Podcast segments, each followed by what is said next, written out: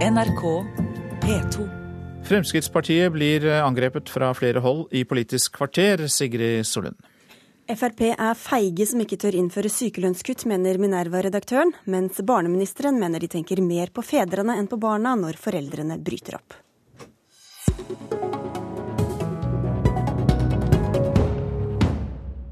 Nav-direktør Bjørn Gudbjørgsrud etterlyser mindre byråkrati i avtalen om inkluderende arbeidsliv, og sier at én måte å få til det på, er å endre i sykelønnsordningen. Vi har diskutert kutt i sykelønnsordningen mange morgener her i Politisk kvarter, og det til tross for at ingen partier går inn for det. Men det burde de, mener du Nils August Andresen, du er ansvarlig redaktør i det konservative tidsskriftet Minerva. Hva syns du om innspillene fra Nav? Jeg syns det er fint at det kommer innspill fra faginstansene. Det er jo litt typisk i Norge at det ofte er de som må komme med dem, at politikerne kvier seg for å si de tingene som er ubehagelige å si. De innspillene han kommer med, viser jo på hva som skjer når vi har gale insentiver og ikke har de virkemidlene som faktisk virker. Så er vi nødt til å prøve å lappe og tette på alle mulige andre måter. Og det er det som blir byråkrati. Og jeg synes Ikke minst for et parti som Fremskrittspartiet, som erklærer sin, eh, sin, fiendskap mot byråkratiet, så burde de være interessert i denne type innspill. Hva tror du det skyldes da, at uh, verken Frp eller Høyre eller noen andre går inn for kutt? Jeg tror at det skyldes en velgerkalkulasjon hos nesten alle partier. Og det gjelder ikke bare høyrepartiene, men også Arbeiderpartiet. Vi skal huske på det at det var jo Sandmann-utvalget for 12-13 eh, år siden, som var ledet av en tidligere Arbeiderparti-statsråd, som først foreslo disse kuttene. Og det har vært fulgt opp av ekspertutvalg. Eh, og de aller fleste andre land har jo eh, en lavere sykelønn enn Norge. Eh, og vi vet at Jens Stoltenberg har leflet med tankene, Høyre har leflet med tankene. Selv, selv, i SV har det vært folk som har, har leflet med tanker om å endre sykelønnen. Jeg tror mange forstår at det er fornuftig, men LO eh, setter seg på bakbena, og man frykter dårlig medieoppslag og backlash fra velgerne. Er det det som ligger til grunn, Robert Eriksson fra Fremskrittspartiet? Nei, aller først har jeg lyst til å si det at jeg skjønner ikke min villeste fantasi at det skulle bli mindre byråkrati av å kutte i sykelønnsordninga. Eh, Fremskrittspartiet er veldig opptatt av å redusere byråkratiet i Nav. Derfor har vi lagt fram et eget forslag nå i Stortinget som går på hvordan vi kan omorganisere og avbyråkratisere Nav og få en mer helhetlig eh, forvaltning. Eh, og så vet også Nav-direktøren som her uttaler seg, at han verken har IKT-systemer som kan gjøre noe med sykelønnsordninga heller. Har, det vil han ikke ha på plass før i 2017-2019. Men det som er viktig for Fremskrittspartiet, det er at vi skal opprettholde en god sykelønnsordning. Vi skal ha dagens sykelønnsordning. Vi ser at vi har gradering av sykemelding. Det er noe som vi har i systemet i dag. Det fungerer. La oss bruke mer gradert sykemelding. La oss bli flinkere ved å gå gjennom legepraksisen for å få vekk mye av den sykemeldinga som går på diffuse diagnoser. Eh, og så tror jeg at eh, man kan også gå gjennom hvordan man skal følge opp dialogmøtene, for det er der byråkratiet ligger. Det har ingenting med ytelsen og nivået på ytelsen i sykelønnsordninga å gjøre. Jeg har en bedre fantasi da, tror jeg. Eh, for jeg forestiller meg lett hvorfor det ville være sånn. Og det er altså sånn at Så lenge det ikke er noe insentiv økonomisk for å komme seg tilbake på jobb, så er det mange som er i livssituasjoner hvor eh, det lett blir sånn at man velger det alternativet, å være sykemeldt. Og Det er vanskelig for leger og det er vanskelig for, for andre å tvinge dem til å gjøre noe annet. Og Det er derfor man må komme med disse tiltakene.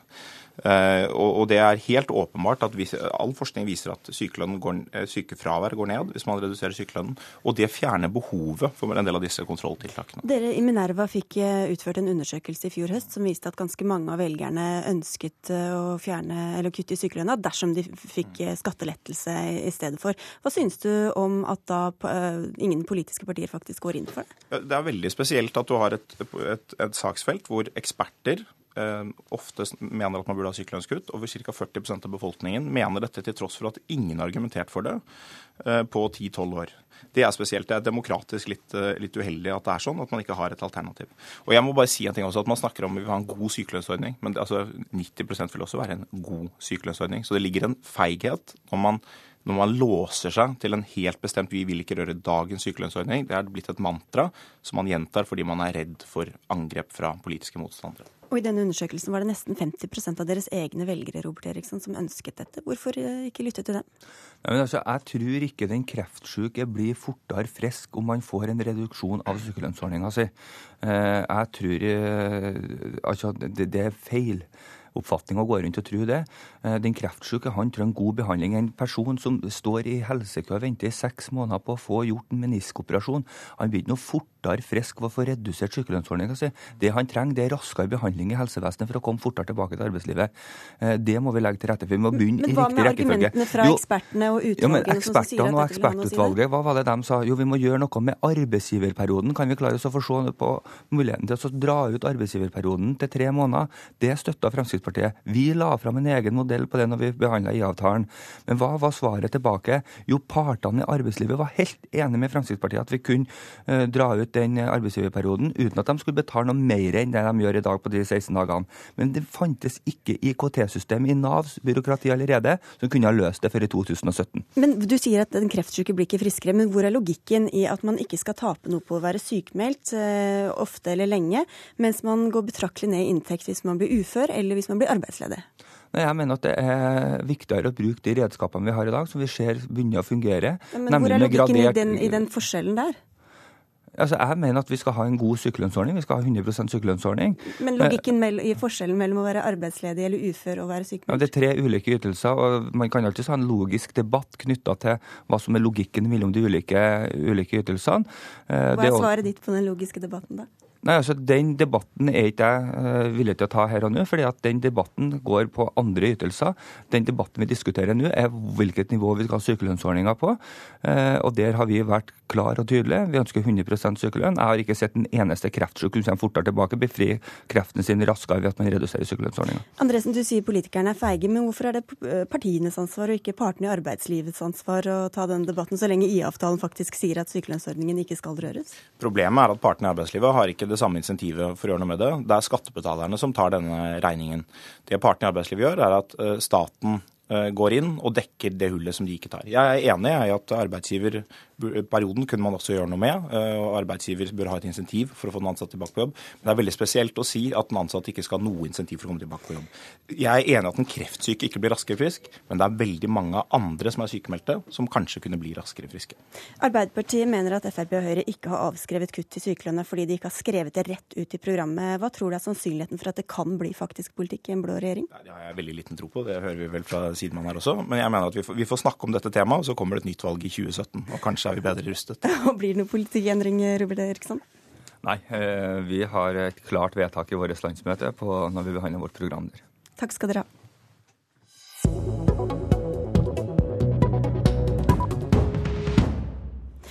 Mange flere samlivsbrudd enn før ender i retten når foreldrene ikke blir enige om hvem barna skal bo hos og hvor mye samvær hver av dem skal ha. I dag skal Stortinget behandle i endringer i barneloven, der regjeringen vil legge mer vekt på barnas perspektiv. Fremskrittspartiet derimot tenker mer på foreldrene enn på barna, sier du barne- og likestillingsminister Inga Marte Torkelsen. Hvordan belegger du det? Ja, nå handler jo de endringene som vi skal vedta i dag, om å beskytte barn bedre. Hvor det er eh, mistanke om, eller reell frykt for, at barn er utsatt for vold eller seksuelle overgrep fra den andre forelderen. Eh, men det som jeg eh, har tatt opp i denne sammenheng, det er at Fremskrittspartiet er veldig opptatt av at vi skal kunne at vi må ty til delt bosted mye oftere enn i dag etter et samlivsbrudd. Eh, og at eh, de fleste egentlig bør eh, bruke delt bosted som løsning etter et samlivsbrudd. Det betyr at barnet skal være like mye hos begge foreldrene. Og med de belastningene det innebærer for barn hvis foreldrene er i sterk konflikt med hverandre. På den annen side så ønsker ikke Fremskrittspartiet å stimulere til at foreldre skal ha mest mulig deling av ansvaret før et eventuelt samlivsbrudd. Eh, og da dreier det seg særlig om å få fedrene på banen, det er det vi egentlig snakker om her. Eh, gjennom eh, pappakvote i foreldrepermisjonen, og gjennom å ikke utvide kontantstøtten, som jo Fremskrittspartiet ønsker seg, som vi vet nesten utelukkende tys til av mødre. Mm. Hva er sammenhengen her, Solveig Horne, du er familiepolitisk talsperson for Frp? Nei, Jeg skjønner ikke helt uh, sammenhengen her. Det som er viktig for Fremskrittspartiet, er å ha et likestilt foreldreskap, slik at både far og mor har like rettigheter etter et samlivsbrudd. Og Det som regjeringen legger opp til nå, med at uh, de har økt den fedrekvoten, har jo sett at fedre kanskje har, tatt, har ønsket mer samvær med sine barn. Men det som regjeringen gjør, er jo det at etter det lykkelige samlivet på en måte har brutt opp, så er det kun mor. Og Det viser jo flere saker nå som kommer i domstolene òg, at det er en sterk økning i samlivskonflikter fordi at far ønsker mer samvær. Og Derfor har Fremskrittspartiet som eh, politikk at vi ønsker å likestille både mor og far ved et samlivsbrudd, slik at far òg får sin del. Men, men hvorfor vil dere ikke ha en politikk som likestiller dem mer eh, tidligere, før det er samlivsbrudd? Når det gjelder den eh, foreldrepermisjonen, så har Fremskrittspartiet tro på at familien sjøl klarer å fordele disse ukene. Og det, det, det trenger ikke vi politikere blande oss opp i. Men Fremskrittspartiet har vært opptatt av at ved det er et samlivsbrudd, så skal fars rettigheter òg komme klarere fram enn det de gjør i dag. Og vi tror det at med å ha en 50-50-deling eh, ved et samlivsbrudd, der det er mulig, så vil vi òg være, det være konfliktdempende eh, ved samlivsbrudd i forhold til rettssakene. Det vi vet er at eh, Hvis man skal få foreldre til å samarbeide etter et samlivsbrudd, så er det helt avgjørende at de har samarbeida godt før et samlivsbrudd. Og da må jo vi som politikere, hvis vi er opptatt av at barna skal ivaretas best mulig i disse sakene, stimulere til at flest mulig foreldre tar mest mulig lik del av ansvaret for barna helt fra barnet blir født. Og da er det særlig ett virkemiddel vi har, og det er å sikre at fedrene er på banen i foreldrepermisjonen. fordi da ser vi at eh, hvis de er det helt fra starten av, så tar de også større del av omsorgen videre. Et annet forhold som er viktig, det, det dreier seg om kontantstøtten. Fordi at uh, I programmet deres så har dere at dere vil utvide og forsterke kontantstøtten. og Det gjelder alle de borgerlige partiene. Er det noe vi vet, så er det at eh, over ja, 90% omtrent av de som tar kontantstøtte, er kvinner. Og Det betyr at man da nettopp også stimulerer til et ulikestilt foreldreskap gjennom de ordningene. Den, altså, hvordan vet du at fedre ikke er gode og likestilte og, og kjærlige, eh, og fedre bare fordi, ikke, bare fordi kvinnen kanskje er mer hjemme? Nei, men Det handler bare om hvem som har vært eh, mye i kontakt med barnet. og Det er jo det som legges til grunn også etter et eventuelt brudd. Hvem er det som kjenner barnet best? Hvem har hatt mest kontakt med barnet? Og hvis vi ønsker, og det ønsker SV og regjeringa, å ha fedrene mer på banen, så må vi jo stimulere til best mulig kontakt mellom fedre og barn helt fra starten av. Du, du blander to ting. for du snakker om Det, det som du snakker om nå i forhold til kontantstøtte og at fedres rettigheter med foreldrepermisjon, det er i et lykkelig samliv. Men da vil jeg utfordre SV til å ta ballen for fed og snakke fars rettigheter etter det samlivet samlivsbruddet har kommet da. For i dag så er lovverket sånn at det det, blir det en skilsmisse eller samlivsbrudd, så er det mors rettigheter som står sterkere enn fars rettigheter. Og da må, må noen snakke fars rett òg i forhold til etter samlivsbruddet. Men dette er faktisk ikke riktig. Så for det første så er det sånn at eh, de aller fleste sakene de ordner foreldrene opp sjøl seg imellom. Og jeg eh, ville jo ønske at eh, man hadde mer samvær eller Eh, hvis det er til barnets beste, at eh, man også delte eh, omsorgen mer mellom seg Eh, men da må det være til barnets beste. Og det har vi stimulert til først og fremst gjennom å sikre et mer likestilt foreldreskap ja, før et eventuelt samlivsbrudd. Du kan ikke komme ja. og kreve millimeterrettferdighet mellom foreldrene etter et samlivsbrudd hvis man ikke har sikra en best mulig kontakt men, med barna men, før. Mener du med det at hvis mor har vært mest sammen med barnet før samlivsbruddet, så skal hun naturlig også få mest samvær etterpå? Nei, det er jo noe som foreldrene sjøl skal ordne opp i. Men det vi ser, ja, det er jo at dette gjøre, Nei, det, ja, det, er, det vi ser er at dette vektlegges i en vurdering etterpå.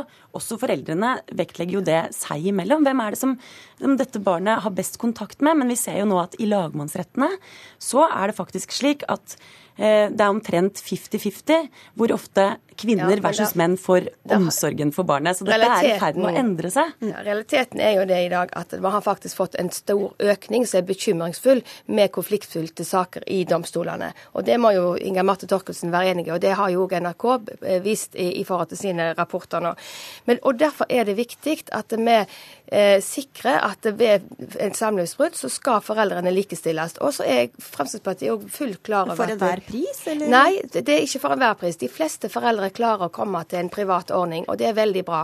Men der det kommer til konflikt, så mener Fremskrittspartiet at man har vært konfliktdempende ved at man har hatt en automatisk 50-50-delting eh, der det er mulig. Selv om far ikke har vært noe særlig til stede tidligere i barnets liv? Der det er mulig at de klarer å komme til enighet med 50-50, så mener Fremskrittspartiet at det er viktig, og at fars rettigheter blir ivaretatt. Men det vi legger opp til da, med endringen i barneloven nå, det er jo at i en del av disse sakene så ser vi vi at det er ikke noe mål å få til et forlik eller en millimeterrettferdighet mellom foreldrene fordi det er til skade for barna. I en del av de mest konfliktfylte sakene, ikke alle, men en del, så er, dreier det seg om foreldre som har rusproblemer, sterke psykiske lidelser, det er vold og seksuelle ja, overgrep ikke... inn i bildet. Og da må vi faktisk ja. beskytte barna, ikke satse på at ja. vi skal ha én mal for alle. Men det som regjeringen legger opp til med den saken i dag, det er jo det at det ikke skal være en dom. Og det er noe sånn at du er uskyldig til det motsatte bevist. Og i dag er det sånn at Beskyttelsen av barna, den ble senka dramatisk sånn med det forslaget fra Fremskrittspartiet. Vi rekker ikke det. Dette er en helt ny, stor debatt som vi må ta i morgen eller en annen dag. Ja, takk skal dere ha for at dere kom til Politisk kvarter. Inga Marte Torkelsen og Solveig Horne, for Politisk kvarter er slutt for i dag. Jeg heter Sigrid Solund, og Barnefordelen kan du også høre mer om i NRKs radiodokumentar 'Fedrene kampen om barna' på nrk.no eller på NRK P2 på lørdag etter Dagsnytt klokka ti. Hør flere podkaster på nrk.no podkast.